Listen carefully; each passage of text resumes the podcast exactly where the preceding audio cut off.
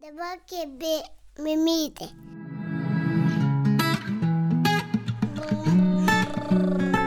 Kaba mama. Sveiki įsijungę tinklalaidę Kalba Mamos, su jumis sveikinuosi aš Marija Keršanskinė ir šiandien svečiuose prie mikrofonų dvi viešnios - tai Mintautė Jurkutė, lygių galimybių kontrolieriaus tarnybos projekto Daugiau balanso vadovė ir Akvilė Giniotaitė, bendruomenės nekopūstų vaikai kurėja ir litiškumo ugdymo specialistė. Projekto Daugiau balanso, apie kurį tikiu jau daugam iš jūsų yra tekę bent pusiaus jas girdėti, autoriai parengė ir siūlo kiekvienam žmogui susidėti individualią iš 11 skirtingų gyvenimo sričių sudarytą darbo ir asmeninio gyvenimo derinimo formulę. Ši formulė gali padėti jums pabėgti nuo jausmo, kad niekam nėra laiko. Kaip ji veikia?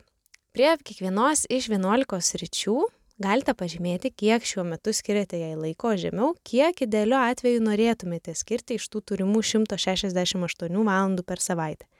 Tai darbas, šeima, emocinė sveikata, intelektualinė veikla, dvasingumas ir religingumas, sveikata ir fizinė forma, būtis, namai, asmeninis laikas, bendruomenė ir socialiniai ryšiai, miegas, išvaistytas ar užpildytas laikas. Formulę galite rasti daugiau balanso.lt pasvirasis brūkšnelis formulė. Iš pirmo žvilgsnio tikrai darbo nemažai norinčią formulę užpildyti, tai galima išsigasti ir numesti į šoną, bet pabandykit. Tai atrodo tikrai puikus įrankis, ypač jei klausimas, kur dingo mano laikas arba chaotiška kasdienybė jums neduoda ramybės. Man patiko formulės autorių raginimas ją panalizuoti kartu su savo žmogumi. Kokie mūdviejų lūkesčiai yra, kur kuris jaučiame didžiausią deficitą, ką galim pakeisti ir perdėlioti mūsų bendrame gyvenime, kad abiejų poreikiai būtų patenkinti. Ypač tai pravartu, jei iki sukuriant šeimą nesate susėdę pasikalbėti, kaip atrodys jūsų gyvenimas, kai atsiras vaikai. Juk jiems atsiradus iš tikrųjų daug kas labai pasikeičia ir ypač išaugęs poreikis tvarkai namuose kuris suryja didžiulę dalį mūsų laiko ir jis tampa kažkoks nematomas, atrodo, kad visą dieną kažką veikiai ir dirbai, bet nieko nepadarėjai. Arba visą dieną tvarkėsi, o namai vis tiek buvo 10 minučių tik tvarkingi. Tai verta pasvarstyti, kokia gali praversti pagalba būtyje, gal reikėtų daugiau pasidalinimo tais darbais, o gal praverstų žmogus iš šono. Žinoma, tai yra ir finansus, ir požiūrį liečiantis klausimas. Nekartas esam su mamomis kalbėję, kad skalbinių lankstymas gali būti ir kaip didžiausia kančia, bet ir kaip galimybė užsidėjus ausinės paklausyti podcast'o, audio knygos ar tiesiog pabūti vienumoje, ramybėje ir tyloje, kas mamystėje yra šiokia tokia prabanga. Bet jei nekenčiate tvarkymuose ir jis apkartina buvimą namie, vaikų auginimą, gal tikrai verta paieškoti pagalbos ar kažką susipaprastinti tikrai svarbu atrodo šiuos klausimus spręsti komandoje ir vengti kaltinimų, tų pasimėtymų frazėmis tu visada, o tu niekada, kurių niekas nemėgsta ir jas išgirdę iš tikrųjų visi tikriausiai stojame į gynybinę poziciją. Bet tikslas juk yra laiminga šeima ir savo poreikius patenkinę visi žmonės, kurie tą šeimą kuria. Žodžiu, kalbėkitės, pabandykite keisti, kas nepatinka ir nepamirškit savęs. Laiminga mama, laiminga šeima. Ir labai gražiai Akvilė pačioje pabaigoje pasakė, kad jei būsime prioritetų savo, tai ir vaikai bus, nes kai būsime pailsėję, neužsiknyšę nuo būties ir rūpeščių tėvai, mažiau pyksime ant vaikų ir daugiau džiaugsmės gyvenimu. Tai čia viena tokia didelė tema, o kita tema, prie kurios prieėjome pokalbio metu, tai ne buities darbų, o vaikų auginimo klausimo ir buvimo su vaikais pasidalinimas. Ačiū Akviliai, kuri palėtė būtinybės atsigręžti į tą bendruomenę ir kaimo aplinkūrimo svarbą. Jeigu viena pati šeima, tiek keli suaugę žmonės yra paliekami viską neva tobulai bandyti susidėlioti savo gyvenime, jie iš tiesų yra pasmerkiami paskesti tame visame nuovargyje, būtyje ir žongliravime viskuo ir išvadoje, kad va esam nevykę, nes mums čia neišeina, nespėjam, nemokam visko sustėlioti. Bet vaikai neturėtų rūpėti tik jų tėvams. Galų gale juk nesau juos tik auginame, ar ne? Auginame vaikus visuomeniai, Lietuvai, pasauliui. Ir visai logiškai skamba, kad ne tik mums ir turėtų rūpėti augantys žmonės, kurie rytoj po mūsų tą pasaulį kurs. Ir čia norėtųsi pakviesti gilesniai diskusijai, būtent dėl to šį kartą mano įžanga tokia ilga. Ar mūsų visuomeniai rūpi? Ar palanku šiandien žmonėms Lietuvoje auginti vaikus? Koks visuomenės politikų požiūris jūsų nuomonė šiandien yra į vaikus ir žmonės, kurie augina juos? Norisi pakviesti dalintis, ko reikėtų, kad būtų palankiau, kad žmonės norėtų kurti šeimas. Čia tikrai plati tema, kurioje tikiu šeimos pačios, sukurtos brandžių žmonių, gali rasti savo tinkančius sprendimus, jei iš valstybės būtų pakankama pagalba ir parama, tikra reali šeimos politika ir jos kūrimas, o ne tik mažinamos išmokos ir iš vis galų gale prakalbus apie šeimos politiką, tik apie išmokas ir kalbėjimas. Truputį jaučiuosi nusikaltusi kad kalbant apie moterų grįžimą į darbą ir tėčio išėjimą į vaiko priežiūros atostogas apie ką šiandien ypač daug kalbama yra nepaliečiau tiesiog paprasto noro būti su vaiku ilgiau o labiau akcentavom finansinį aspektą. Nors pati į darbus aktyviai negrįžau būtent dėl to po pirmo ir po antro vaiko gimimo. Nes noriu savo vaikus auginti remiantis prieraišumo teorija ir grįžti į darbus iš lėto. Toks man atrodo mažiausiai nepatogumo, kalties jausmo keliantis ir daugiausia ramybės man buvime mama suteikiantis pasirinkimas. Ir iš šito mūsų šeimos pasirinkimo kyla labai daug klausimų, ar po tuo valstybės šeimos politikos stogu telpa patys įvairiausi šeimų pasirinkimai kaip jie nori auginti vaikus. Nes jeigu greičiau į darbus norinčiams sugrįžti moteriams ir šeimoms yra aktualūs darželiai, kuriuose vaikus galėtų palikti nuo metų, šeimoms, kurios vaikus augina prie raišiai, jie tikrai nereikalingi, bet reikalingos erdvės, kuriuose galėtų burtis bendruomenė, kur mamos galėtų nesijausti vienišos pasirinkusios būti su vaikais ilgiau, arba galėti palikti vaikus keletui valandų, bet ne visai dienai ar pusdienį kaip yra pavyzdžiui suomijoje helsinkyje kur mūsų šeima gyveno keletą metų ir galėjome iš arti pamatyti prie žaidimų aikštelių pastatytus pastatus kuriuose renkasi šeimos mamos tėčiai su vaikais kur vyksta įvairios veiklos o mokyklinio amžiaus vaikai gali po pamokų praleisti laiką ten. Beje į šią bendruomenės ieškojimo temą norisi pasidžiaugti kad kiekvieną antradienį dešimtą valandą vilniuje kviečiu mamas į kalba mamos pusryčius. Pradėjome šį antradienį ir planuojame susitikti kiekvieną savaitę, pasikviesdami kokią nors mums įdomų žmogų pakalbėti mums rūpinamą temą. Tai jeigu ieškote bendruomenės ir tokių susitikimų, kviečiu remti tinklalaidę 3 eurų ar didesnė suma ir jungtis prie mūsų. Visą informaciją rasite contribui.com pasvirasis brūkšnelis kalba mamos taigi kviečiu klausyti dalintis diskutuoti kelti šiuos klausimus kurie šeimoms aktualūs reikalauti darbdavio geresnių darbo sąlygų kurios tenkintų jūsų šeimą jūsų pasirinktą vaikų auginimo filosofiją ir jūsų vertybes. Gero klausymo pradėti taip truputėlį iš toliau apskritai taip. apie tą daugiau balanso mhm. projektą. Mhm. Šitas projektas kada, priminkit, jau pradėtas yra? O jisai pradėtas 20 metais, jau tai čia jau į pabaigą, iš tikrųjų, tai paskutinės dienas skaičiuoja, mhm. literaliai. Tai va, ne, bijojau sumeluoti, bet norėjau sakyti, kad galbūt jau porą metų sukasi viešoje erdvėje, nes taip. tikrai, manau, jau daug kas bus girdėję tą žodžių junginį daugiau balanso. Taip. Tai gal galite papasakoti iš vis, kaip kilo šitą idėją, kodėl norėjosi pradėti apie tai kalbėti ir tokią formą, kokią kalba apie tai tas projektas? Projektas turi ir tokią oficialią e, priežastį, kodėl, kodėl gimė, nes tai buvo pasiruošimas e, e Europos direktyvai kuri turėjo į Lietuvos nacionalinę teisę būti perkelta iki 22 metų vasaros, nu, tai iki dabar. Ir Europos komisija kaip ir kvietė šalis, na, pasiruošti, nes e, tai vyksta visoje Europos Sąjungoje, pasiruošti ir, ir, ir teikti paraiškas.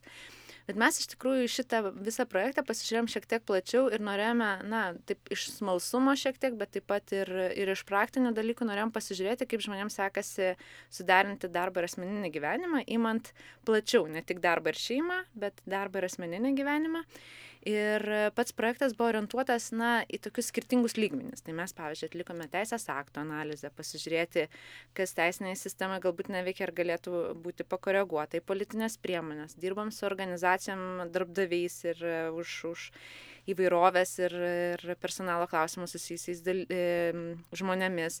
Galvojame, kaip čia padaryti tokią draugišką darbovietę, kad šeim, šeimos, e, asmeninio gyvenimo ir darbo derinimui būtų patogu žmonėm. Ir paskui mes nusileidome jau į patį tokį paskutinį, tai į visuomenės nuostatas ir asmeninės nuostatas susijusias su tuo. Ir projekto metu iš tikrųjų labai daug įdomių dalykų padarėm, bet tų formaliųjų teisinių analizų ir panašiai. Mes taip pat ne vieną kartą susitikom ir su vaikus auginančiais tėčiais ir mamomis, pasiklausim, tai kokie ten iššūkiai kyla, e, su darbdaviais irgi taip tokiam individualiam lygmenyje dirbome ir norėjome, na, suprasti, kas galėtų tikrai padėti.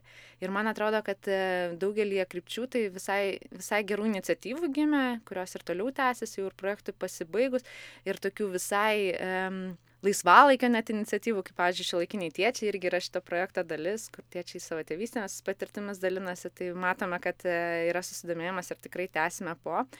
Na ir jau tame asmeninėme lygmenyje, kai mes nusileidome į, į, į tą, tą lygmenį, tai tiesiog pamatėme, na, kad kai kurie dalykai iš tikrųjų priklauso ir nuo pačių žmonių. Tai kaip jiems, na, asmeniniam gyvenime arba sekasi, arba nesiseka suderinti darbą ir, ir asmeninį gyvenimą ir kas čia galėtų padėti. Ar kažkokios elgesio korekcijos, ar kartais nuostatų korekcijos, kažkokios pergalvojimai būti samoningiams tame. Tai taip gimė ir darbo ir asmeninio gyvenimo formulė, kuri yra toks kaip interaktyvus įrankis, kur kiekvienas žmogus gali susidėti savo tik savo jau tokią patogią formulę, pasižiūrėti, kuriuose sritise jie mm, tam žmogui gal sunku, gal, gal kaip tik e, labai faina, bet užtat kenčia kitas rytis ir, ir tiesiog irgi turėti tokio laiko, na, pasižiūrėti, kaip tas gyvenimas galėtų būti įvairiapusiškesnis. Tai, tai iš principo visas mhm. projektas mhm. vat, ir, ir, ir orientuotas į, į tas tokias skirtingus barjerus, kaip ir biški apžiūrėti, bet to pačiu pagalvoti, kaip juos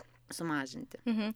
Ir šita formulė iš tikrųjų labai toks įdomus dalykas ir šviežias, ar ne? Gegužės pradžioje, berots, jeigu gerai atsimenu. Taip, ir Leidot. tiesą sakant, projektas iš viso labai yra gyvas, nes mes vis dar renkamės tą atgalinį ryšį ir galvojame, kaip čia dar pagerinti dar kažkaip. Mhm. Uh, originaliai buvom sugalvoję dešimt ryčių, bet vat, gavę pirmą atgalinį ryšį įvedėm ir būti ir namus dar, tokia vienuoliktas rytis, žodžiu. O, tai ir, tai čia labai svarbi.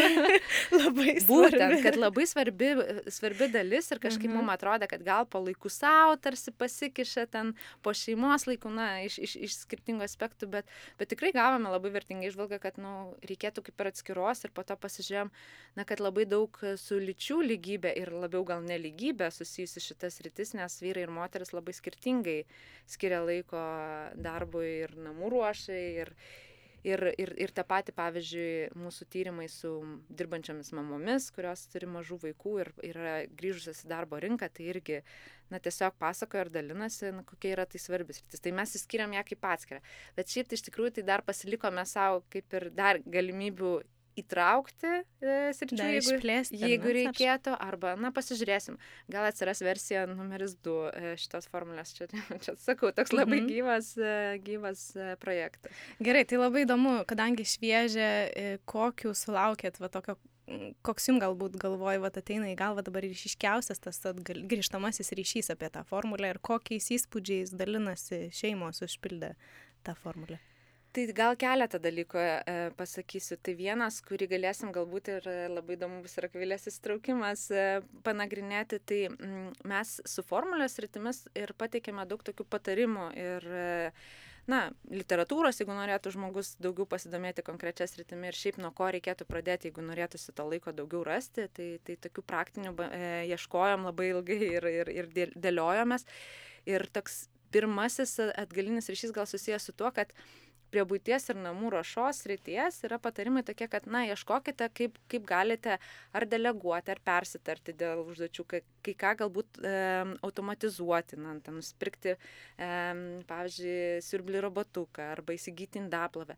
Ir ši, šie patarimai, jie kažkaip labai iššaukia tokią reakciją, kad, nu, bet čia labai orientuota į žmonės, kurie pasiturintis jau ir čia kaip čia, arba ten, mhm. pavyzdžiui, patarimas, kad galbūt galite na, pasisamdyti pagalbą iš išorės, nes tas darbas nematomas moterų atliekamas e, po darbo namų ruošoje, nu vis tiek yra darbas ir kartais nu, tas laikas yra tikrai vertingesnis su šeima arba savo, polisui galų gale. Na ir, ir tiesiog rekomenduojam apsarstyti, gal jūs galite nu, kartą per metus galbūt kažką pasamdyti, kad langus išvalytų, nu, tokius didelius dalykus padarytų. Ir žmonėms tai atrodo kaip neregėta prabanga. Iš pradžių buvo toksai įsitempimas, kad gal iš tikrųjų mes čia taip jau labai drąsiai siūlom, o paskui pergalvojame, kad vis tik e, tai yra be galo susiję su lyčių nuostatomis apie lyčių vaidmenis e, šitos reakcijos nes e, niekam netrodo kažkokia neregėta prabanga įsigyti telefoną, pavyzdžiui, kad ir brangesnį kompiuterį, jeigu tai yra reikalinga ar darbo, ar laisvalai, automobilį galų galę, jį remontuoti bent kartą ten per metus ir ten, na, tas išlaidas kaip ir turėti, tokias palaikomasias. Ir, pavyzdžiui, kažkoks surblys robotas arba indaplovė, jeigu tai yra iš tikrųjų problema, jeigu žmogus nu, daugybę valandų praleidžia indus plaudamas, galbūt tai yra vertinga investicija. Ir, ir, ir kadangi tai yra apie moterų darbą, tai vat, yra toksai, nu, kažkokia pasipriešinimo reakcija, kad maždaug šitas laikas nekainuoja, nesgi galima padaryti pigi ir nemokamai. Aš manau, kad problema dar yra ta, jog atrodo, nu kas čia tėra, juk čia kelios minutės, nu tuos Mhm. indus suplaut, nu kiek čia užtrunka per tą dieną, kiek dažnai, nu ten aišku, jeigu turi mažų vaikų, sirbi ten po šešis kartus kartais per dieną, bet e, kiek man tenka irgi dirbti mm, mm, šiomis temomis su suaugusiais žmonėms, su žmonėms, kurie turi šeimas ir vaikų, ir būna kartais tie tokie sąrašai, kur labai smulkiai surašyti darbai, pavyzdžiui, prisiminti duoti vaikams vitaminų. Tada kita eilutė - duoti vaikams vitaminų, užrašyti pas gydytojus. Nu ir tokie, kur atrodo, nu kas čia tai yra dabar nejaugi mes taip žemai pulsim ir tokius sąrašiukus pradėsim darytis. Ir, ir žmonės kažkaip, nu, moteris dažniausiai jaučiasi tarsi, nu jau čia dabar jau aš išsikalinėjau, kažkaip ieškau problemų ten, kur jų nėra. Tačiau tų būties darbų didžioji drama ir yra ta, kad jie yra tas pasirptelėjimas, indų paploviukas, tada vi- vitaminiukų davimas ir jie susideda į krūvą dalykų, kur tu pusę jų fiziškai atlieki, o pusė, nu čia tie procentai, nu čia ne pusė ant pusės, bet nu ta didelė dalis, o kita didelė dalis mm, galvoje tavo pastoje, pastoviai verda. Tai man rodos, Tai yra dar su tuo susiję, kad, kad mums atrodo, nu, čia nu, negi nėra tokie jau tas siaubingai, tai siaubingi tie darbai. Tai net nebejotinai ir man atrodo, kad, bet čia yra labai svarbu kalbėti, nes turbūt šeimos nebemasto, ypač jeigu mažų vaikų turi, kad, nu, skalbimo mašinas tai nereikia. Nu, visi supranta, kad tai yra tokia, nu, šeimos būtinybė, ar ne? Bet kažkodėl indapalo, bet atrodo, bet irgi, kai mažų vaikų turi, tai jaugi ten nuolat tų indų yra ir yra. Ir, Mhm. ir, ir čia jau atrodo kažkaip, vat, kažkas, ką galima, na, sutaupyti. Bet tas sutaupimas dažnai yra moters laiko sąskaita, kuris irgi šiaip, na, sako, laikas e, nekainuoja, bet labai kainuoja. Ir, ir kainuoja ir emocinę sveikatą, kainuoja ir polisį. Ir pavyzdžiui, turbūt pačios, nu, tokios mane asmeniškai širdį nugulusios išvalgos buvo, kai mes atlikome tyrimą su dirbančiomis mamomis, e, mažų vaikų turinčiomis. Ir kai jos sakė, kad e, darbo ir e, šeimos derinimo e, visas procesas labiausiai susijęs su kalties jausmu, nes tu amžinai jautiesi kalta e, ir prieš darbdavį, kad su darbais ten kažkaip nesuspėjai, ir prieš šeimą, kad vis tik to laiko neskiri tiek, kiek reikėtų. Ir neduok dievę, n- taip kažkur galvoja, pagalvoja, kad būtų gerai pailsėti arba laiko savo, bet čia sako, nu tiesiog suparalyžuoja kalties jausmas, nes atrodo, kad tau nepriklauso.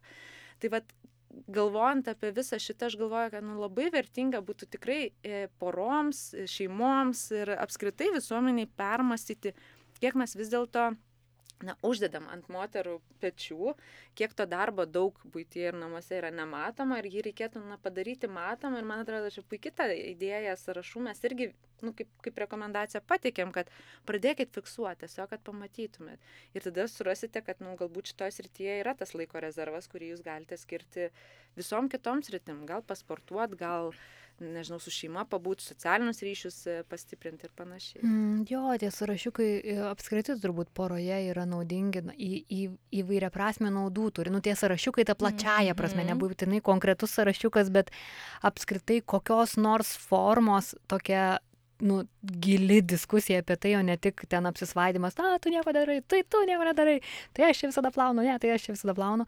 Um, tai labai gera iš tikrųjų, na, reikšminga pamatyti, kiek daug kažkas kažko daro ir kur tu net nepamatai, pavyzdžiui, kad, o, reikia keisti metas patalynę, ar ne? Ir kam, kam pirmam ateina mintis į galvą, tai jau čia turbūt nereikia daug e, Mes galvoti. apskritai tą tokį suaugusio žmogaus gyvenimą e, ir ypač kai atsiranda vaikų, tai ateinam atrodo, kad wow, geras, o kodėl niekas man niekada šito nemokė, arba jau čia net nekalbant apie tai, kad mes realiai, ką reiškia auginti vaikus ir kas galbūt pasikeis jūsų gyvenime, kai turėsit vaikų, mes apie tai irgi niekur nekalbam. Nu, sužadėtinių kursai, kas lanko, ar ne, galbūt ten būna apie tai temų išskirtų, bet iš tikrųjų toks būna tvokstelį geras suvokimas atsiradus vaikam, kad geras. Nu, čia, ir tie visi bairiai, ar ne, kad, nu, tėvystė tai yra tas pats, kas ten išskristi į kosmosą kosminiu laivu be jokių ten kursų, be nieko, arba atsisėsti prie vairo mašinos ir vairuok viskas be jokių kur. Tai čia iš tikrųjų yra tas, bet aš dar apie apie tuos rašiukus ir apie tai, kaip tie visi būties darbai arba laikas savo, kad vat, labai geras pastebėjimas ir labai įdomu, labai faina, kad jums, jūs laukia to grįžtamojo ryšio, kad išskirti tą namų ruošą buitį visą, nes tai iš tikrųjų begalę laiko suryja. Man taip jokinga buvo vakar, vyras buvo savaitę komandiruotė ir vakar jisai tėvo diena, jisai sako, grįžom jau ten aišku po visos dienos, paveikęs, smagiai viską praleidę tą dieną ir jisai kažkaip sako vis tiek, eik tu dabar ką nors paveiksi ramiai, kokią valandą, tai tikrai aš čia pabūsiu kieme su vaikais ir aš galvoju kažkaip, Blema, bet tik čia tėčio diena, kaip čia dabar aš taip galiu. Bet tada sakau, e, tik kitą savaitę komandiruotė buvai varyk, sakau, su vaikais.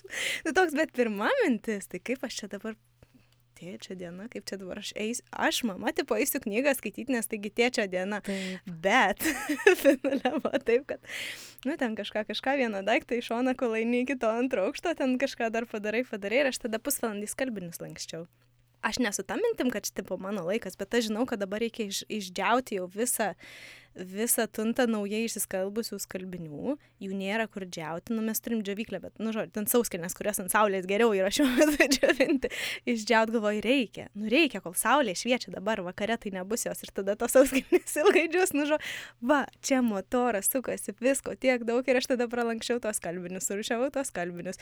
Bet nieko, aš taip kažkaip išmokau, iš tikrųjų dar vienas toks, jeigu labai patarimas čia į temą, rašiausi sąrašiukus kai gimė antra dukrytė, ką aš padarau per dieną, nes man buvo toks atėjęs momentas, kai aš galvoju, kad aš, nu, va, tos dienos bėga, eina toks tamsus metų laikas už žiemą ir kažkaip, ką aš čia veikiu tuose namuose, man toks, aš než, nežinau, buvo ir aš pradėjau tiesiog rašytis kiekvieną darbelį, ką aš padarau. Iškrauščiau indaplovę, sudėjau indus indaplovę, ten nežinau, padariau valgyti, e, nuvaliau dulkes ten pirmam aukšte. 20 kartų guodžiau verkiantį vaiką. Tai, jo, tai, ai, nu, tai jau šitų nerašiau. ir, ir man kažkaip, vat, sakau, jeigu mamos, kurios klauso, jaučiasi tokios, kad atrodo, dirbu kaip arklys varau, bet aš nieko nedarau ir dar jeigu vyras grįžta ir sako, ką tu veikiai čia šiandien, ta prasme, valgyti nepadaryta, tie namai apkuisti ištisai, man keista, kai žmonės, nu, bet nelabai gal įvertina, neįvertina vienas kito kažkaip, ką daro ir kai galbūt dažniau vyrai ne, praleisdami mažiau laiko su vaikais dėl įvairiausių priežasčių, jie nuoširdžiai nelabai įsivaizduoja, ką reiškia visą dieną praleisti su vaiku.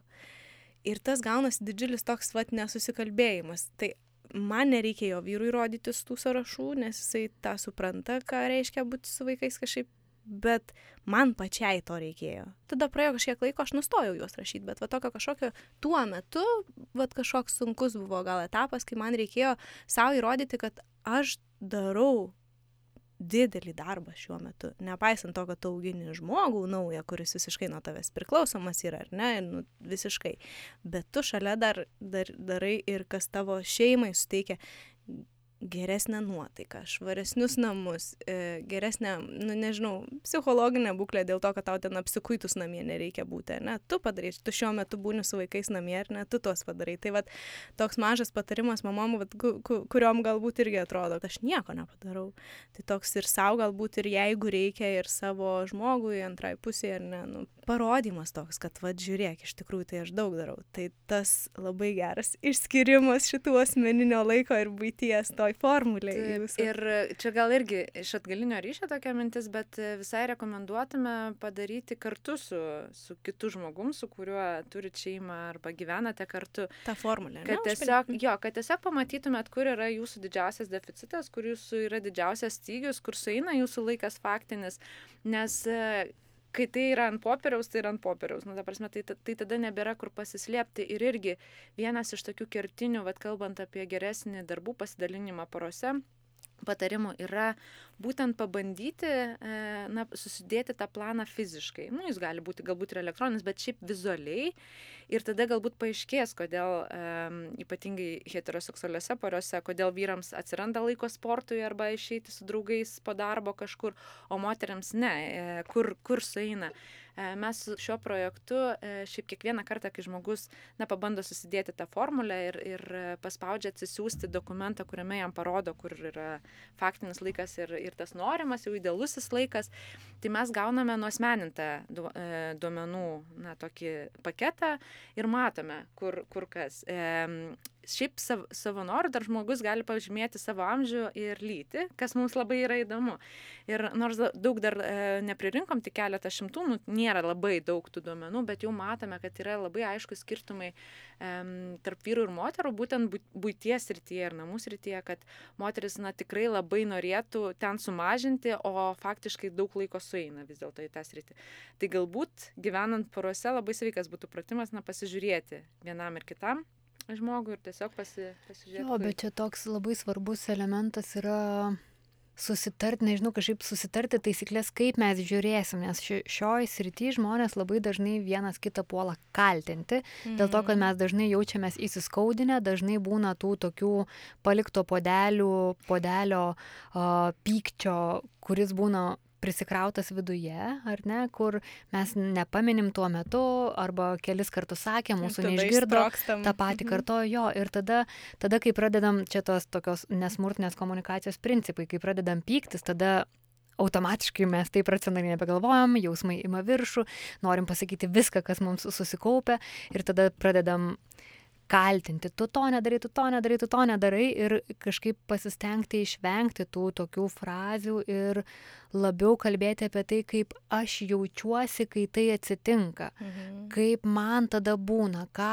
aš tada pagalvoju, kaip aš pasijaučiu, koks man kokia sukyla emocija, kad parodyti tam kitam žmogui, kokia yra mano perspektyva nes nėra objektivu, tikrai mes mm. nevienodai suprantame, juo lab, kad mes esam labai heteroseksualiuose porose labai skirtingai auginta.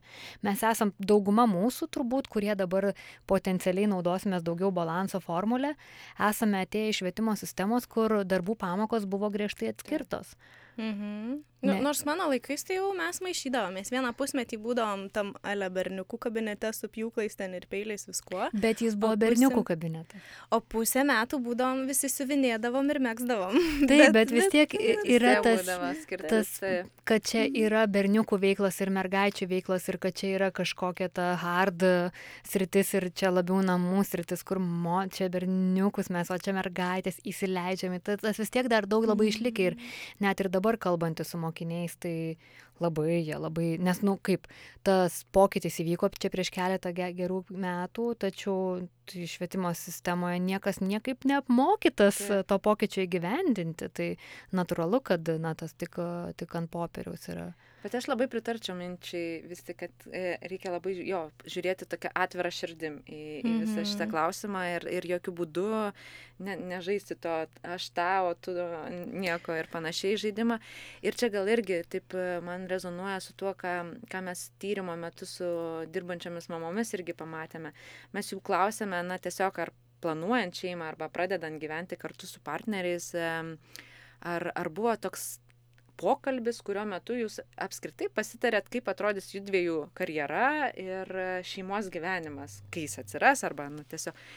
Ir praktiškai vienetai tik tai žmonių iš viso tokią praktiką turi, o, o šiaip visi nudraifuoja kaip ir pagal nutilėjimą, o pagal nutilėjimą reiškia, kad pagal lyčių vaidmenis ir kaip mes juos per amžius amžiuosi suprantame, dar čia finansinis aspektas įsimeta ir, ir mes tada, na, ką turime, turime mamas namie, o, o tėvus darbe, kurie dirba tik dar daugiau, nes nugi dabar čia reikia dar ir šeimą e, išlaikyti. Ir irgi paradoksas, e, dirbi daugiau, kad kada nors būtum su savo šeima. Nu, tiesiog. Mm. Man labai tiesiog patiko labai jūs. Liūdna.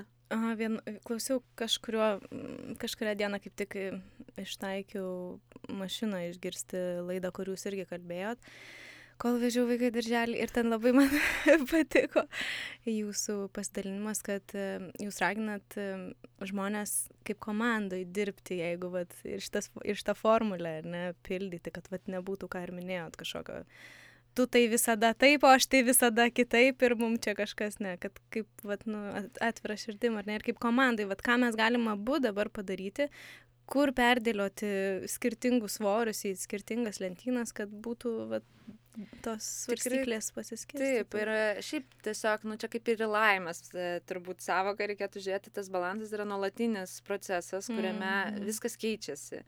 Ir e, reikėtų ir žiūrėti, ne tai, kad jau aš jau kai susidėsiu, tai turėsiu kažkokią baigtinę formulę, nu ir pagal ją galėsiu Čia gyventi. Tai svarbu, man atrodo. Tai tikrai šitas. kinta ir yra normalu, kad jūs esate ir skirtingose karjeros etapuose, ir skirtingom, nežinau, šeimos etape, vaikai pa paauga, po to to laiko tarsi daugiau atsiranda. Tai tiesiog žiūrėti viską lankščiai. Vat lankstumo labai reikia, tokio samoningumo ir lankstumo, kad e, nu, jeigu, jeigu tik gimė kūdikis, turbūt naivu tikėtis, kad dabar mėgosite ir sustvarkysit miegą. Yra tokių dalykų, kur, kur natūraliai e, turi ar palaukti, ar, ar kažkaip laikas ateiti ir panašiai. Bet e, kai ką jūs galite daryti, tai vat, tiesiog klausimas, ar jūs samoningai apgalvojate tą, ar jūs kalbate su savo antraja pusė. Ir e, jeigu tą darote, tai tikrai labai kviečiau daryti tą, nu, taip taip atvirai ir komandiškai, nu, nes čia vis tiek bendras tikslas, tai kad visi būtų kiek įmanoma labiau laimingi. Mm, čia turbūt galima net patarimo paprašyti, na, kurį aš to įduosiu, iš homoseksualių šeimų būties dėrybų. Tai kadangi nėra lyčių susiskirstimo porose ir namuose, tai žmonės tiesiog uh, derasi apie buitį, kalbėdama apie tai, kas tau patinka daryti ir kas tau nepatinka, kas man patinka, kas man nepatinka ir kuriuos darbus. Tiesiog kalbėsi apie tą visumą dalykų, kas, ko namie tik nereikia įgyvendinti ir būtent pagal tai ir aptarinėjai. Tai netgi galima taip man, identifikuoti sritis. Aš kažkaip, kai atsakiau, kad iš savo perspektyvos kažkaip, kad keista kažkas, tai mano vyras yra tas natūraliai, kuris jam labai natūraliai gaunasi įsijungti į tuos visus dalykus, mes pas mus niekada nebuvo va tokio kažkaip, kad mūsų tėvai gal labai nelabai kažkaip suprant, kaip čia dabar, kur aš čia galvoju, gal matau pati sukūrus savo šeimos spragų, kad daug labai berniukų tampa tėčiais ir vyrais savo žmonom, kurie, nu, vat, neturėjo vaikystėje ne iš blogos valios, va tokios progos tvarkyti savo kambarį, padėti mamai virtuviai, būtį, nes labiau toks yra natūraliai, va kažkoks, kad sūnus padeda tėčiui, o dukros labiau mamai.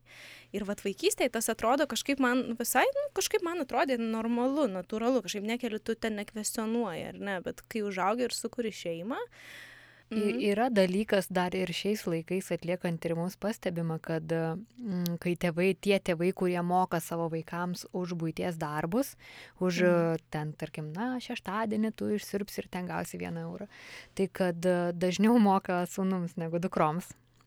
Tai tų tokių taip, tų nuostatų mes turime, na ir tai nereiškia, kad tai yra tendencija, bet tai ne, nereiškia, tai nieko nepasako apie atskiras šeimas. Uh, ir uh, ir kiekvienas mes turime kažkokių nuostatų, nuostatėlių, įsivaizdavimų, įsivaizdavimiukų, kur net neįtarėme, kad mes taip elgiamės ar kažkaip stereotipiškai auklėme, ar net aš pati visa čia tokia atseit be stereotipų gūrų, kur čia visiems eina, kiekvieną savaitę kalba apie tai, kaip reikia auk, ugdyti, auklėti be stereotipų, imunitetą stereotipams turėti.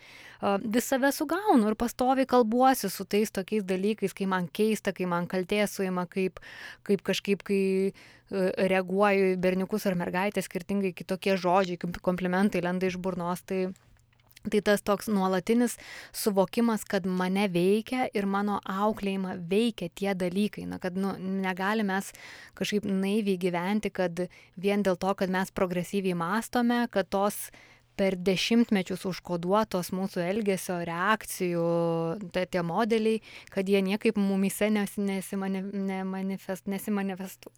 Per sudėtingą žodį išsirinkau, ne, padėkit, nesimanifestuojasi, nemanifestuosi.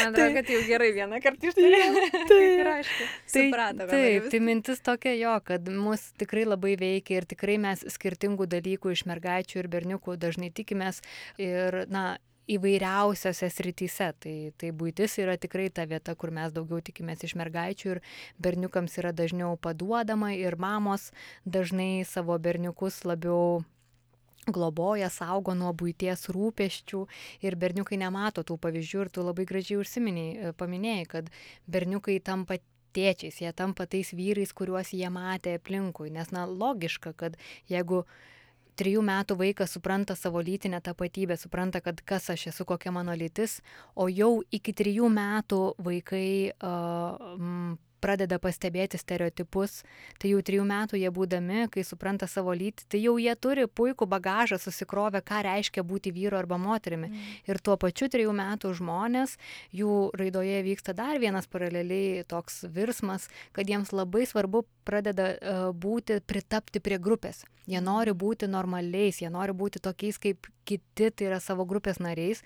Tai tada jie ima, na, stebi visą pasaulį aplinkui kaip maži tokie maži, kaip aš nežinau, tokie monstriukai, kurie viską pastebi, kiekvieną mažytę smulkmeną ir, ir žinoma, kad jie perima tuos modelius. Mhm. Bet čia gal dar irgi dar įdomus dalykas, kurį mes, pavyzdžiui, pastebime, kad yra netitikimas tarp kaip žmonės save mato ir kaip žmonės elgesi.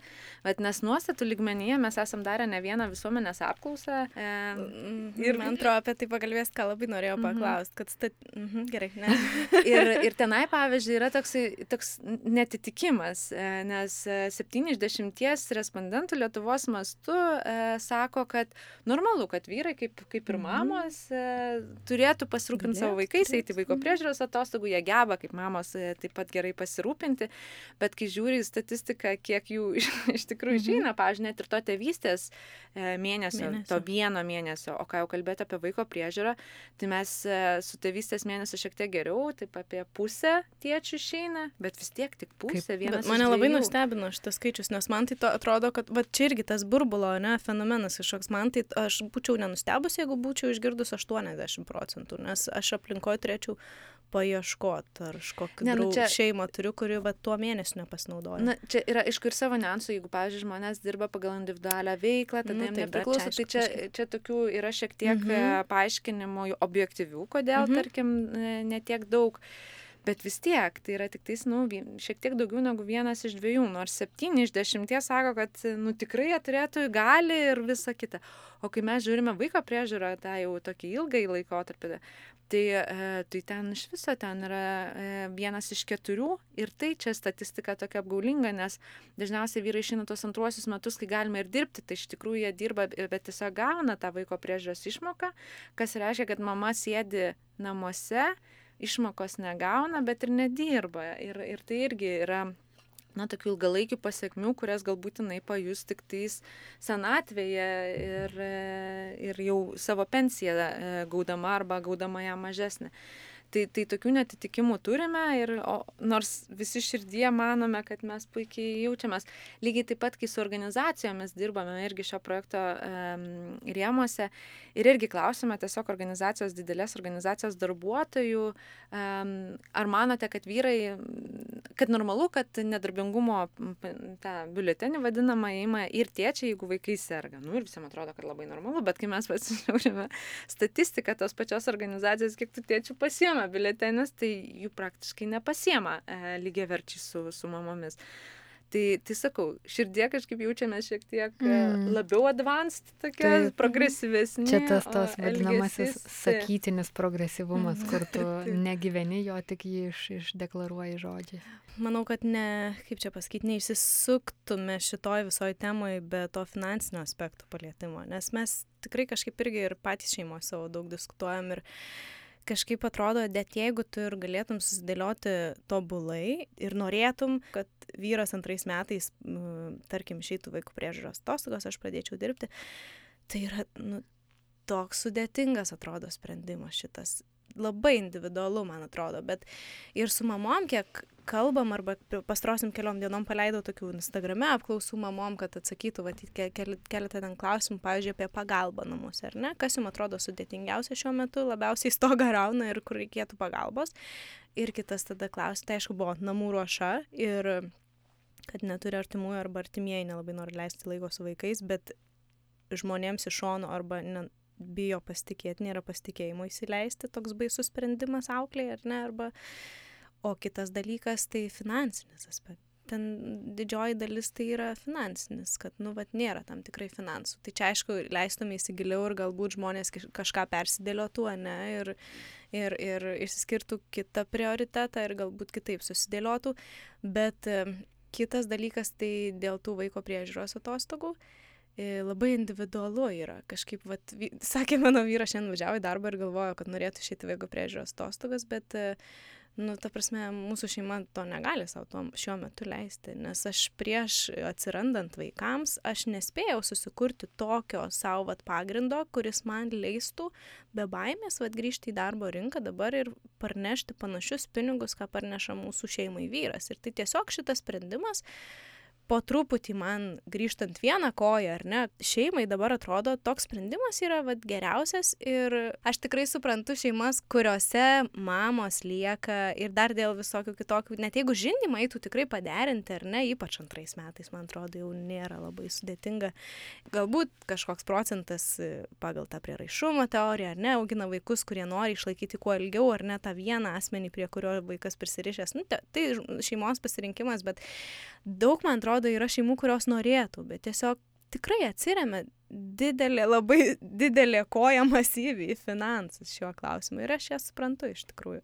E, tai čia toks, nu, kaip ir, nežinau, save maitinantis ratas e, problemų turbūt, nes Be abejo, tai, tai be, be galo susijęs su tuo, kad mes vis dar turime e, darbo užmokesčio atotrukį vyrų ir moterų, mm -hmm. turime visą tą pluoštą nuostatų tiek darbdavių ligmenyje, tiek, mm -hmm. nu, tiek visuomenės, šeimos ir panašiai. Ir finansinis aspektas be bejonės yra, yra stiprus, bet čia vat ir norėtųsi šitoje vietoje konkrečiai norėtųsi ieškoti būtent politinių įvairių priemonių, na, kaip, kaip galima būtų tą sutvarkyti, nes man atrodo, kad, nu, galima būtų. Vėlgi tai, kad Lietuva pasirinko tokį ilgą laiką vaiko priežiūros atostogų, tai irgi yra savotiškai unikalu, kitos šalis kitaip sprendžia šitus e, klausimus. Tai čia reikėtų turbūt ieškoti ir žiūrėtis. Mes irgi girdime iš šeimų nuolat, kad finansinis aspektas yra be, gal, mhm. be galo svarbus, aišku, labai liūdna ir panašiai, bet, bet aš nenuvertinčiau turbūt ir tą nuostatą ligmens. Ir šeimos, kurios gali savo tą leisti, net jeigu skamba kaip nereikėta prabanga savo vaikus auginti, bet yra šeimų, kurios gali tą leisti ir vis tiek to nedaro. Ir man begalinį įspūdį paliko, kaip vienas tėtis dalinosi vaiko priežiūros atostogas, su trečiu vaiku eis jau antrą kartą, su pirmu kažkaip sako, dabar vienintelio dalyko gailiuosi, kad ir su pirmu nešiau, nes su antru išėjo buvo nuostabu, su trečiu jau jisai nekantrauja eiti. E, bet sakė, kad labai įdomios reakcijos buvo, kai jisai jau ryžosi e, su antru vaiku eiti, sakė, labiausiai trukdė būtent visuomenės nuostatas, ką žmonės pasakys. Ir sako, aš nuolat sulaukiu, dabar aš jau, nu, kaip ir žinau visus tos atsakymus ir ten visiems mm -hmm. dalinu, bet, pavyzdžiui, darbdavys jo paklausė, kas tau netinka. Gal mes, mes kaip tik su Gediminu įrašėm tėčio dienos pokalbis buvo taip. jo. Jis... Kas, kas netinka, va toks klausimas. Reiškia, ką galim pakeisti, kad tu liktum, nu kodėl taip. tai šiandien. Ir jisai taip. sako, o tai įsivaizduok, tiesiog dabar moteris pasako, išeinu į vaiko priežiūros atostogos ir tau. Ir jei darbdavys sako, ne, neišeik, o ką, ką galim padaryti, kad tu liktum, neišeik. Bet, tai, ne, bet tiesiog nebūtų tikriausiai. Ne tai, kad siaubinga, bet labai keista, ar ne? Atrodo, kad kad vaikų auginimas, nu, visi supranta, kad tai yra našta ir jeigu čia gali apsaugoti darbuotoją, na, to reikia. Bet čia būtų nuostabu surinkti, surinkti tas reakcijas, kurios va taip iš tokios natūralios reakcijos, tokie kvaili klausimai kyla, nes mano partneris abu du kartus mes po pusę metų dalinomės, aš pirmą pusmetį, jis kitą pusmetį. Ir vieną ir kitą kartą ten tokių kuriozinių buvo ir aš net gavau klausimų savo darbę apie savo partnerį, kai mano vadovė jaudinosi, ar mano partneris, ar jis nebus atleistas iš savo darbo vien dėl to, kad jis mm. nori eiti prižiūrėti vaiko. Ir tada jo kolegos, kai jis išeidinėjo, klausė, su vienu vaiku klausė, tai ką veiksi? Tai. Šitas yra.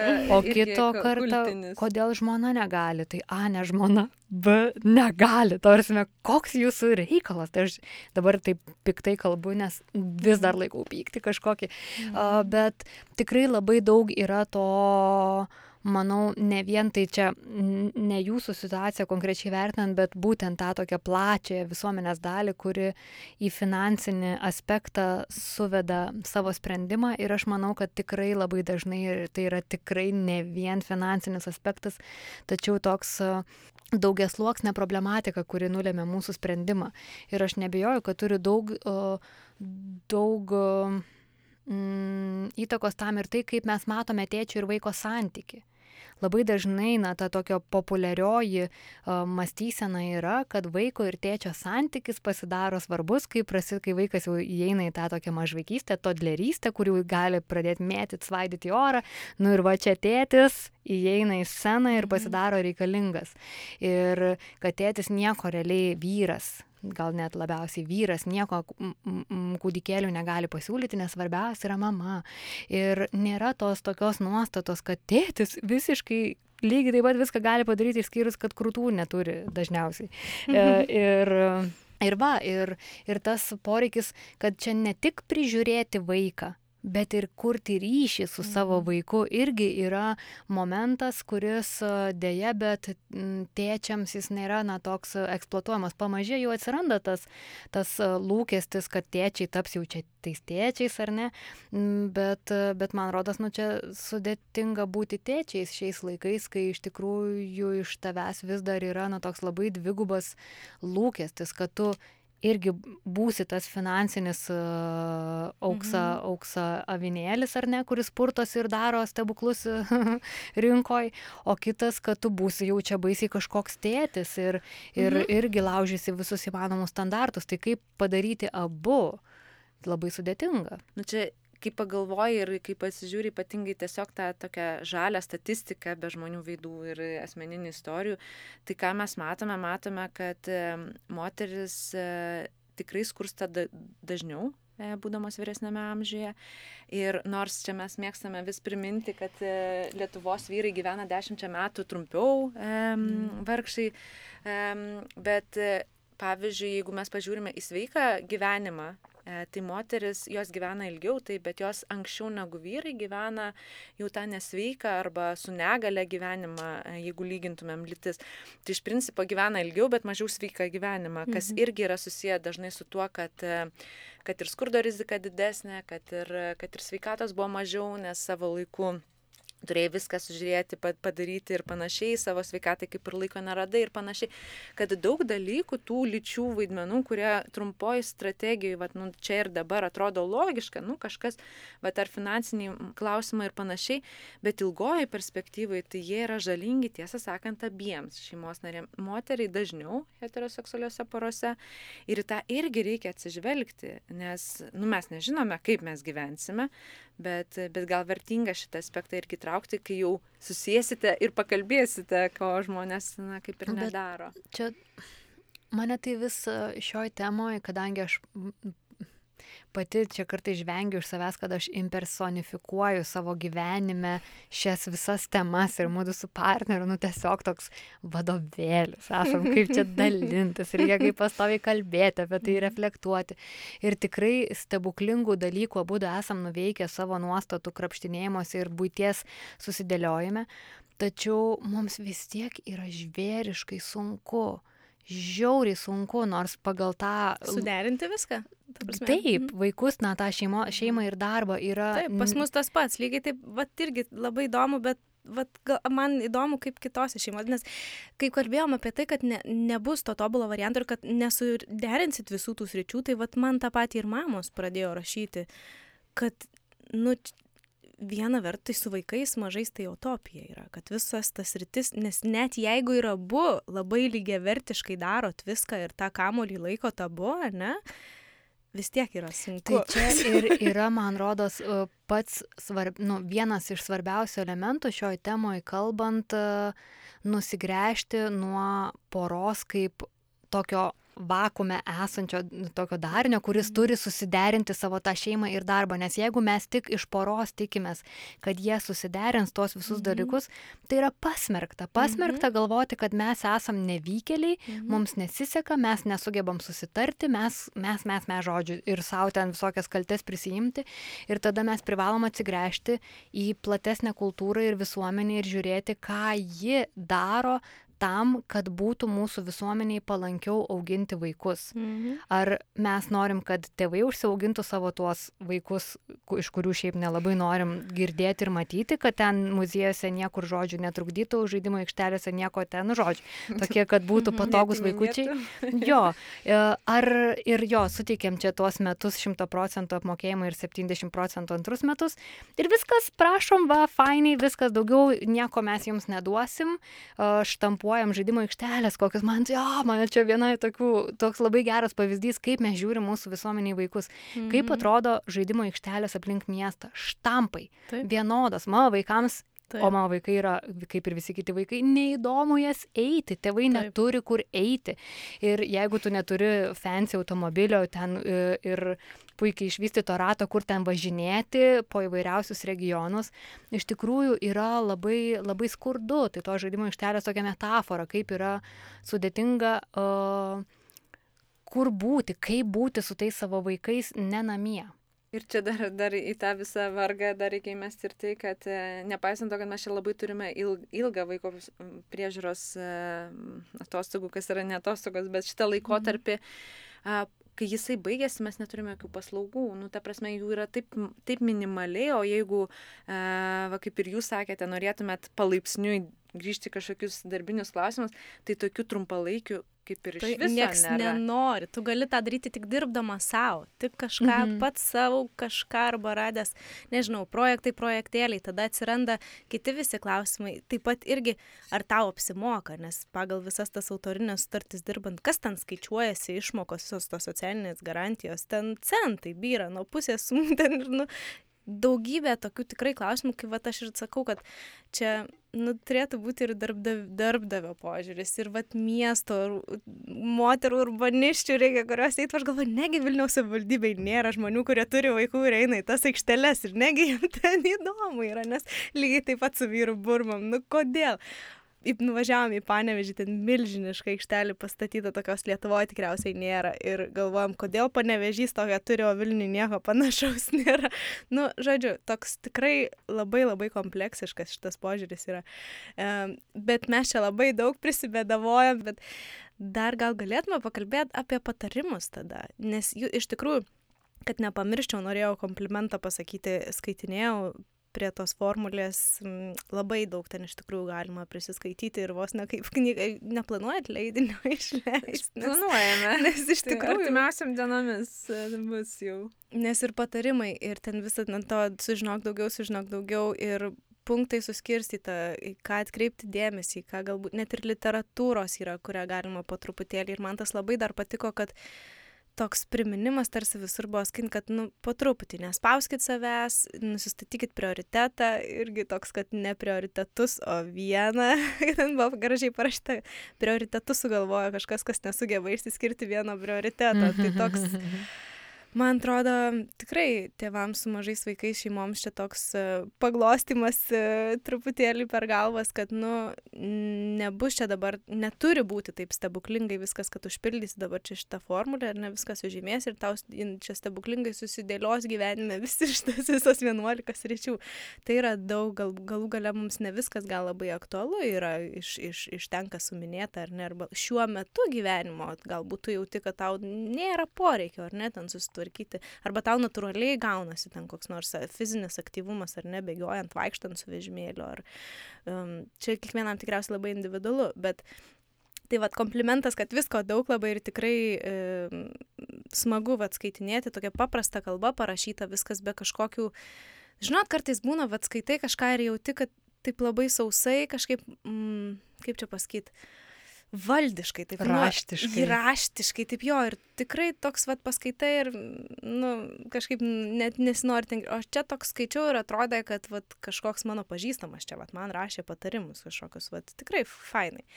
Tai gal galim pakalbėti, nežinau, čia gal ir iš asmeninių patirčių, ar ne, apie kažkokius patarimus, kaip ir iš to atgalinio grįžtamo ryšio, ne, jūsų galbūt kažką.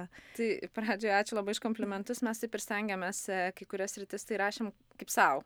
Tiesiog, nu, tiesiog vat, savo patarimų ieškai, ieškai rašai, ir galvoji, gal ir kitiems bus įdomu ir panašiai. Bet e, be bejonės dar ką norėtųsi pakcentuoti, kad nu, gink dieve, neimkit visko iš karto. Pasirinkit vieną sritį, pabūkit mėnesį, kelis, jeigu reikia. Tiesiog pasižiūrėkite, kur šiuo atveju yra jūsų prioritetas, tas vienas mm. prioritetas, išsirinkit sritį. Yra labai normalu, kad gyvenime jums šiuo metu reikia kažko labai konkretaus ir Ir aš pati pastebėjau, kad, e, na, kai mes beprotišką kiekį daug literatūros atsirinkinėm, skaitėm ir galvojom, kad kažkuriam momente jau aš supratau, kad man nuo tų produktivumo, derinimo knygų yra per daug. Aš visai mielai padirbėčiau su kokia viena, kuri man labiausiai limpa, e, pabūčiau su jie, galbūt pabandyčiau tos patarimus pristaikyti, bet, bet kai jų labai daug yra, tai iš tikrųjų šiek tiek ištaškai visas pusės, tai vat, e, patarimas turbūt būtų susikoncentruokit ties vieną sritimi, bet vis tiek mintis tai yra, tokia mes net ir metaforą pasirinkome, kad gyvenimą reikia žiūrėti, nu taip kaip į labai įvairias spalvį ir įvairių sričių kupiną. Ir kad tie gyvenimo sluoksniai jų yra daug, jų nėra darbas ir viskas, kas po darbo. Ir e, kaip metaforą mes pasirinkom, na taip įsivaizduoti ar stalą, ar kėdę su daug kojų. Ir kuo tos kojos stipresnės, tuo, tuo stabiliau stovite. Ir, pavyzdžiui, jeigu kas nors jums nutiko, na, jeigu jūs esate darboholikas asmuo ir, ir labai daug dirbate ir staiga darbo netenkate, tai jūs galite sugriūti, tiesiog sulūšti, jeigu tos visos kitos kojos jos silpnos ir nelaiko.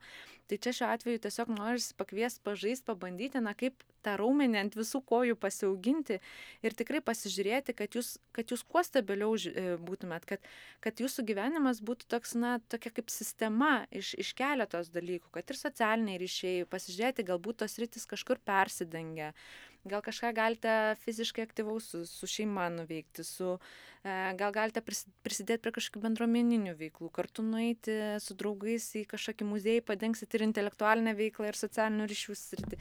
Tiesiog žiūrėti tą kūrybiškai ir pasižiūrėti taip tikrai lankščiai ko reikia, kaip, bet, bet priimti tai, kad nu, mes esame be galo įvairių žmonės, mums tikrai reikia labai daug visko ir pasižiūrėti, na, kurioje vietoje, na, kad tiesiog neliktumėte ties, ties vieną sritimi, kurią, nu, nežinau, nu, žmonės ir, ir miršta, ir dinksta, ir išsiskiria, ir darbai dinksta, ir, ir hobiai keičiasi. Mhm. Viskas yra labai kaitu ir, ir, ir jeigu jūs turėsite kitas rytis kaip atramą, tai tiesiog lengviau atsitiesite, jeigu reikės tą daryti. Tai va čia mhm. toks patarimas. Turbūt pats labiausiai padedantis dalykas tai yra Dabar labai banaliai nuskambės sveikiau maitintis, daugiau būti ore, mažiau skrolinti ir uh, stengtis kuo daugiau ilsėtis. Mes esam tokie būties fanatai ir man rodos toms moterims, nu čia žinoma daugiausiai eina kalba apie moteris, kurios labai mėgsta sutvarkytus man namus, aš esu viena iš jų, yra lengviau ilsėtis, kai yra viskas tvarkyta, mhm. tai kažkaip ieškoti, kaip, kaip, kaip pačiai savo tą savo santykių su tą būtim uh, glūdinti ir prioritizuoti save. Tai dėl to čia grįžtam prie tų sąrašiukų, nebaigiau tuomet tos minties, kad yra tie sąrašiukai naudinga vienam su kitu pradėti diskusiją, bet kartu ir pamatyti, kiek po velniais aš daug visko darau, -hmm. o kur yra laikas man ir kaip aš įsivaizduoju, koks yra mano gyvenimas, kaip aš įsivaizduoju, kaip aš noriu, kad mane vaikai matyt, kaip aš iš viso atrodau iš šono ir tada galvot, kas gali būti nepadaryta, ar tai yra tikrai taip velniškai svarbu ir tai nereiškia, kad, aha, dabar aš nelankstysiu tų skalbinių arba ne, nevalysiu to stalo ir eisiu žaisti su vaikais, a, a, aš dabar eisiu paskaityti knygos, aš nebūtinai nesu tais vaikais žaisiu, nes mes irgi net ir m, toj būty labai daug yra mūsų vaikų ir mes visai šiandien tos temos neapčiopiam, kaip mm. Kiek mes pastoviai esam su jais, tiek, kad patys pradedam dusti nuo to buvimo su savo vaikais, nuolatos čia mes juos lavinsim, visai žaisim su jais, kad tik ne, jie ten kažkaip nenobodžiautų arba nu tiesiog negalvotų, kad mes čia jų nemylim arba neskiriam jiems dėmesio ir patys save pradedam dusinti, bet dar ir vaikus pradedam dusinti, nes jie nebegali savarankiškumo ar ne formuotis. Tai, tai greičiausiai va tas mažinti, mažinti savo tų tokių pertekliškų atsakomybių, ką, ką mums mm, iš tos viešosios erdvės ateina labai daug e, patarimų, patarimyčių, kaip čia būti tais geresniais, geresnėmis mamomis, ne tėvais ar ne. E, ir e, paraleliai labai mažai to, kaip būti savo atlaidžiu ir, ir išlaikyti save prioritetu, nes ir tai nereiškia, kad vaikų sąskaita, nes tol, kol mes laikysim save prioritetu, tol ir mūsų vaikai bus mūsų prioritetas, nes tai reiškia, kad mes būsim sveikesni, labiau pailsėję, tiesiog žmogiškesni žmonės ir mums bus mhm. lengviau būti, ar ne? Tiesiog iš esmės lengviau būti save mylėti.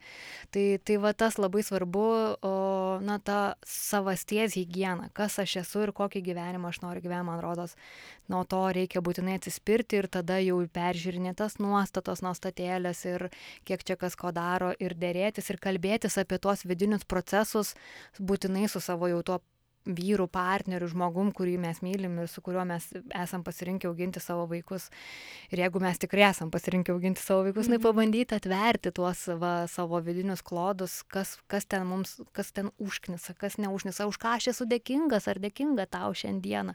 Ne vien apie blogus dalykus, bet ir tuos tokius žaidimiukus pažaisti, ką mes su vaikais dažnai kaip kai reikia iš darželio išpešti ar ne informaciją, na, pasakyk vieną gerą, blogą, vieną, vieną gerą dalyką, vieną blogą, nu tai mhm vieniems su kitais irgi tuos dalykus pažaisti, tai na, ta, ta refleksija. Jo, tas kalbėjimas, man atrodo, čia toks stebuklingas raktas, kad tikrai šiaip turėtų žmonės, man atrodo, daryti prieš, ten atsirandat vaikams jų gyvenime, čia būtų geriausia, jeigu jiems tai nebūtų kažkas labai naujo, nu, tiesiog kalbėtis ir apie bendrą gyvenimą, ar ne, bet toks, net jeigu aš taip galvoju, klausau ir labai gražu, kad, vat, nu, taip kalbėtis, rasti laiko ir galvoju, mintyse man tam, net jeigu bendraujat telefonu šiuo gyvenimo etapu, nes, pavyzdžiui, pas mūsų vyrai toks susitinki vakare po darbų, čia žiūrėk, jeigu maži vaikai eina gan anksti miegoti, jeigu laikais ritmo, kada tas, tu užmiegi vienas su vienu vaiku, kitas su kitu vaiku ryte atsisveikini, atsikeli, labas išvažiuojam. Tikrai, aš, jeigu man kas nors būtų tą pasakęs anksčiau, tai ir tie savaitgaliai tampa tokios aukso vertės, aukso vertės. Nie, dažniausiai tiesiog tas pabuvimas ramiai, nu, kuo ramiau, toks patampa tikrai. Bet man viena ver, vertingiausia išvalgų gal ir buvo, kai aš tą kalną literatūros skaičiau įvairiais klausimais. E, kad reikia kontro, bandyti kontroliuoti, valdyti, nu, angliškas managing yra labai kažkaip tinkama mhm. žodis šiuo atveju, ne laiką, o energiją. Ir kartais iš tikrųjų, kai mes esam pailsėję, gerai pavalgę, pamiegoję, mhm. nu, mes tą patį darbą padarome kur kas greičiau. Ir tiesiog reikia, reikia tą suprasti, būti apie tai samoningiams. Ir man atrodo, labai teisingais keliais eina tos organizacijos ir šalis, kurios trumpina darbo dienas, nes iš tikrųjų be šansų yra 8 valandas e, būti produktyviems, tokiems efektyviems ir panašiai.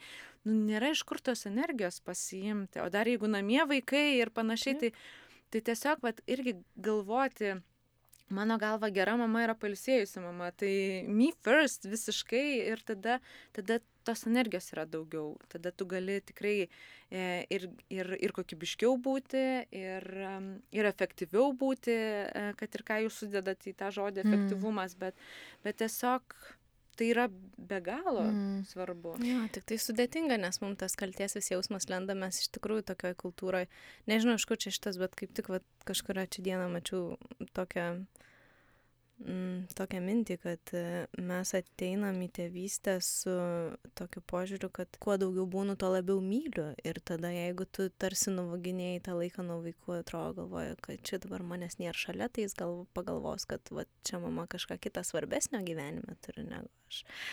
Tai čia tik tai viena mažytė smulkmena iš to kalties mamų pasaulio, bet jos tikrai yra labai daug. Ir ypač kol maži vaikai toks. Nu. Mm, bet čia, na, svarbu, nu vis tiek tai uh, turbūt dauguma žmonių iš praktiko žino, kad tas uh, nemailė savo ir poilsio neturėjimas ir to tokio, kad aš išeinu iš namų, uždarau duris ir dabar tik aš nors valandą, uh, kuo manifestuojasi, uh, ogi tuo, jog mes pradedam kelt balsą. Pradedam nesitramdyti, pradedam nebeturėti kantrybės, mūsų vaikai mūsų pradeda užknisti. Mhm. Tiesiog, o, palik mane ramybėje, nelies ja. manęs. Ja. Tai, mhm. tai akivaizdu, jeigu mes jau va tokias pradedam įtampas arba norim jau ten tiesiog šveisti, ką nors, nors, nu žodžiu, mhm. kažkokiu būdu mes jaučiam, kad viskas pradeda verštis per mūsų puodą per viršų, nu tai akivaizdu, kad viskas stop, reikia, reikia daryti perestroikę, kažkokią bent jau šios dienos perestroikę. Bet aš dar ką esu pastebėjusi ir iš savo ir iš kitų vat, šeimų gyvenimo, kad kuo ta būsena yra jau tokia labiau deganti, tuo ilgiau ją atstatinėti reikės toks jausmas, kad tu, vat, jeigu šiaip sirguliuoji, tai, nežinau, pageriai arbatos su ten močiutės mėtom, medučio ir žiūrėk, viskas gerai. Bet jeigu tu jau labai susirgai, tai tau gali ir antibiotikų reikėti kurso viso savaitę gerti. Tai va čia tas pats, man atrodo, ta būsena tėvų yra, nes maži vaikai yra energijos ir visoko sirbikai. Ir iš tikrųjų, jeigu mes tik tai tą darom, tai tikrai tada ilgai reikia atstatinėti ir dažnai net nežinai, nuo ko pradėti, nes tu net neatsimeni nei kas tavo pomėgiai, tu savim kaip specialistų pradedi nepasitikėti savo srities kažkokiu, nes tu galvoji, Dieve mano, prieš šimtą metų kažką ten dariau susijusio su darbu. Nu, ta prasme, tokie. Hmm, tai jo, ir turbūt dar vienas momentas tai yra būtinai būtinai atsigręžti į bendruomenę, būtinai mhm. tą treniruoti pagalbos prašymo labai dažnai užglušintą raumenį, kai nu, tikrai sudėtinga yra, tikrai, ne, pažiūrėjau, mes su partneriu neturime, neturime nei vieno šeimos nario, kuris gali kažkaip perimti mūsų tėvų atsakomybės, tai tikrai tenka prašyti ir tas, tas na, ne, nu, per mažai mes prašom, čia ties to reikia dirbti, bet, bet jo, būtina, būtina yra kažkaip ne tik tais vaikų nu, rūpešiais dalintis, bet ir va šiomis temomis kalbėtis. Mhm. Ne tik tarpusavyje, e, ne tik pas, pastumint ant vyrų susirinkus moteriams, mhm. bet tiesiog žmonėms kalbėtis apie šią temą, nes tai yra tema. Nors atrodo intuityviai, kad čia nėra tema, nu būtis, nu, nu kas čia. Nu visi nu... turi tų vaikų, čia dauguma turi tų vaikų, visi auga čia ir užauga. Auga jo. ir užauga, visi čia to tvarkosi tą būtį, nu ko jūs čia dabar perdedat, atrodo, ne, kažkaip mm -hmm. iškelia čia tą temą. Tikrai šitas yra toks. Nu, apie ką čia kalbėti? Visi čia, dar jeigu su vyresniais pakalbėti, nu, mum iš viso daug sunkiau buvo, jūs šiandien neturi teisės iš visos kūstis, tai tada tai iš vis toks jau visai lopas pasijauti, žinai, galvoju, nieko taip. šiandien nesugebu visai. Lopas, lopas, taip. Tai jo, tai atrasti va šitą temą ir kažkaip panarstyti ją ir nu tiesiog, kas jums veikia, kas jums neveikia. Ir, ir, ir čia ne kažkoks skalbinių, ten skalbimas viešai visiškai naip tol. Tiesiog mes daliname savo savo reikalais su kitais. Mums tas su vyru tikrai labai padeda, mes nuolat dabar ypač, kad kažkaip antram vaikui atsiradus, nes to laiko savo ir draugam, soci, nu, atrodo, tie ryšiai labai strukinėja, nes tu tikrai atrodo, iš kur išpešti to laiko. Ir dar mes turim senelius Vilniui, dar jie kartais mums tikrai gali pagelbėti, padėti, jau ten su penkiamečiu, tai visai gali, ką nori tą ir veikti. Jau tik tai būkit, jau nėra net tokio, kad kažkaip ten su mažesnėliais gal sunkiau ten ir atsiskirti ar kažkaip. Bet tas tikrai bendruomenė tokia, kai tu susitinki ir pasidalini ir pasijauti ne vienas, kad, va, žiūrėk, bet girdėjai ir jie va tą patį kalbė, ir jie sakė, kad, nežinau, ten ir visi darželio klausimai, ir, ir nežinau, būtis visa, darbas, karjera, nu, daugybė, daugybė mes iš tikrųjų panašiose sultyse šeimos verdam ir tas tikrai labai gerai, vien tas toks grįžti, man atrodo, vat, iš tokių pasibuvimų, kad, nu, ne, mums čia vieniems sudėtinga kažkaip. Su... Jo, tai dėl to labai neįsivaizduoju, jeigu kažkas klauso ir turi svajonių, tai kurkite savipagalbos ratus, tai. kažkaip bendruomenės, forminkite, neforminkite, tiesiog darykit, susitikit stadionuose, parkuose, nu kažką žodžiu, ne tik įti, ne, ne tik liepiamoji nuosaka, bet darykime realiai ir mm. savo prisimu, nu, tikrai labai labai yra svarbu su, su darželiais, nedarželiais, kaimynais, su tiesiog draugais. Uh, turėti kartu reikalų ir, ir rasti būdų, ar, ar jeigu va, kažkaip darželio viena mm, šeima pasakojo, kad savo, savo namų bendrijų, nu čia toks fancy dalykas, kad namų bendryje rašo projektus ir laimi, nu jau čia toks dalykas, bet, bet savo bendrijos mamoms parašė kažkokį projektą, kaip joms ten kažką pasamdyti, kažkokių visokiausių ten uh, dalykų, kad jos galėtų labiau ilsėtis ir žodžiu, labiau susiburtų ir, ir, ir, ir tai va, tokius būtina yra dalyti dary, dalykus, nes nu, iš apačios truputį keisti ir patiems užpildyti tas spragas, kurių mes pasigendame iš valstybės. Tai ir drąsiai, man atrodo, reikalauti ir pas darbdavius, ar ne, kažkaip aš tai kažkaip galvoju, net jeigu ir baimė yra, kad ant tave praspirs išmes, nu Dieve mano, ne vienintelis darbdavys, nu ir kažkaip, nu, kad ieškoti geresnių ar ne galimybių funkcionuoti kaip vienetai, kaip šeimai, kad jums būtų geriau, vat, nebijoti, jeigu ypač nu, pasikalba žmonės ir nus, padeda ar tai formulės, ar knygos, ar kažkas, išsigryninti, ko reikia, tai vat, nu, nenumesti, nepa, nepaleisti to. Ir tas labai veikia, kai tik tai yra koks nors pozityvus pavyzdys ar mhm. darbovietėje, ar aplinkoje, tai Tai mes matome labai stiprias koreliacijas, kad, pažiūrėjau, organizacijose, kuriuose vyrai įma tos biuletenius arba tėvystės atostogas ir vaiko priežiūros, kiti vyrai irgi tą daro, nes, nu, yra nebebaisu ir dar kažkaip. O ten, kur, kur to nėra, tai labai baisu būti tuo pirmuoju, kur čia reikia visas sienas pramušti ir, ir kažkokią praktiką suformuoti. Tai be abejo, e, bet Bet aš pritarčiau, kad, kad reikia apie tai kalbėti ir darbo aplinkoje irgi nemažiau svarbu kalbėti. Gal e, taip irgi balansuoti, ne, ne, nekalbėti tik apie tai, bet e, irgi labai kažkaip kviečiame vyrus, ypatingai e, skat, skatinam tiesiog e, na, įgarsinti, pavyzdžiui, nu, daug yra dalykų, kada m, tokių, e, tokių situacijų, kai reikia ir anksčiau išeiti iš darbo, nes kažką reikia kažkur nuvežti, mhm. pasiimti ir panašiai. Tiesiog pasisakykit, kad jūs, va, ypatingai jeigu esate vyras, nes nu, tos nuostatos taip paprastai nepasikeičia, labai reikia šito, kad jūs, va, tėtis einat pasimti vaikų. Tiesiog, kad tai, kad tai būtų norma, kad tai būtų uh, kūriama kaip, kaip savaime suprantamas mhm. dalykas. Pasakykit, kada grįšit, kai, ko tikėtis iš jūsų ir panašiai, viskas tas taip, bet, bet kad būtų matoma, kad jūs, jūs, jūs esate tėtis arba mama, kad jūs turite kažkokių konkrečių poreikių ir, ir, ir tie poreikiai taip pat labai svarbus yra prie mhm. visų kitų jūsų profesijų. Jo. Ir kad negėda būtų pasakyti, kad aš taip. dabar neišeinu ten nusipirkti kažko, ko reikia. Baltymų kokteilio. Taip, bet vežu vaiką pas gydytoją, ar ne? Kad, nes šitą irgi taip. žinau, kad egzistuoja, kad kad, kad gėda vyrams... pasakyti, kad vaiko reikalus tvarkai tu darbo metu. Čia, kad vyras, išsiprašyti, kad vyras. Kad, kad vyras. Taip, nes, nu ne, moterim mm. tai čiagi natūralu bėgioti. Jo, jo, nes moteris apskritai jos turi daugybę erdvių, kur diskutuoti apie vaikus ir kiek aš vis girdžiu vis daugiau tėčių, kad jie nori daugiau kalbėtis apie savo tėvystės mhm. patirtis, mhm. apie savo tą kintantį identitetą ir, ir neturi kur, nežino kaip. Ir man atrodo taip keista, kadangi mano partneris yra švedas suomis, tai jų jau tapatybė taip socialiai yra truputį labiau konstruota sukantis apie tai, kad jie irgi yra tėčiai, ne tik vyrai. Ir kai jie sustinka čia švedų bendruomeniai vakarais kokio alaus išgerta ar į kokį protų mūšį, tai jie rodo vieni kitiems nuotraukas savo vaikų, kalbasi apie darželio realijas, lygas visokias. Ir jo, ir aš kaip suprantu, tai nėra taip universalu Lietuvoje, tarp vyrų, tai man rodos, kad čia vyrai gali rodyti lyderystę ir, ir atrodo kartais galbūt, nu čia kažkaip, nu, taip mes ne, nekalbam apie tos dalykus, bet pradėti kalbėti apie tos dalykus, nes tėčiai nori.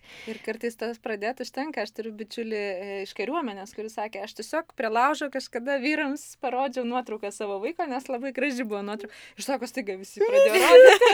prie laužo mes padarėme tėčių prie laužo su, su, žodžiu, visi iš kariuomenės, su, su, su uniformu, su viskuo. Tai tiesiog kartais reikia paklausti ir staiga. Būtent. Viskas. Čia labai gražus toks, kad e, ne tik, ne tik vyras, bet ir tėtis toks iš tikrųjų gražu, kad neslėptų ar ne, ne, nesigėdintų to, kad... Nu jo, kad čia tas gal aš net, nu, tas gėda, turbūt vienas yra mm. jausmas, bet šalia yra toks, nu, kažkoks toks nederamumas, kad aš -hmm. tarsi, nu, ne, ja. ne tai, kad čia aš kažkaip gėdijuosi -hmm. to, bet kad nu, kur man padėti, kur, kur tas kultūrinis, mhm. kultūrinis naratyvas, kur aš mhm. padedu šitą savo tapatybę. Mhm. Tai jis, e, tas va, naratyvas, jis formuojasi, dabar mes turbūt jį kūrėme. Gerai, aš matau, kad um, jau pripliupėm nemažai čia minučių labai, tai dar nebent tik tai galvoju, gal kažko nepaklausiau tokio, ką labai norėtųsi trumpai dar iš, ištemti dienos šviesą. Ar... Aš tiesiog sakyčiau, kad šita tema iš tikrųjų yra plati kaip vandeninas, mm -hmm. bet kuo daugiau kalbame vairiais kampais, tuo geriau, tai, tai norėtųsi su ta, su ta gaida kažkaip ir palikti e, palinkėjimą, kad, na, tiesiog kalbėkitės. Ir e, pažadu, kad rasite labai daug bendraminčių ir, ir, ir, ir, ir tokių aplinkų, kuriuose kuriuose tas pokytis galbūt net ir nuo jūsų gali prasidėti ir, ir, ir, ir e, auginti visus kitus. Mm. Pritariu. Gerai, tai ačiū labai iš pokalbį.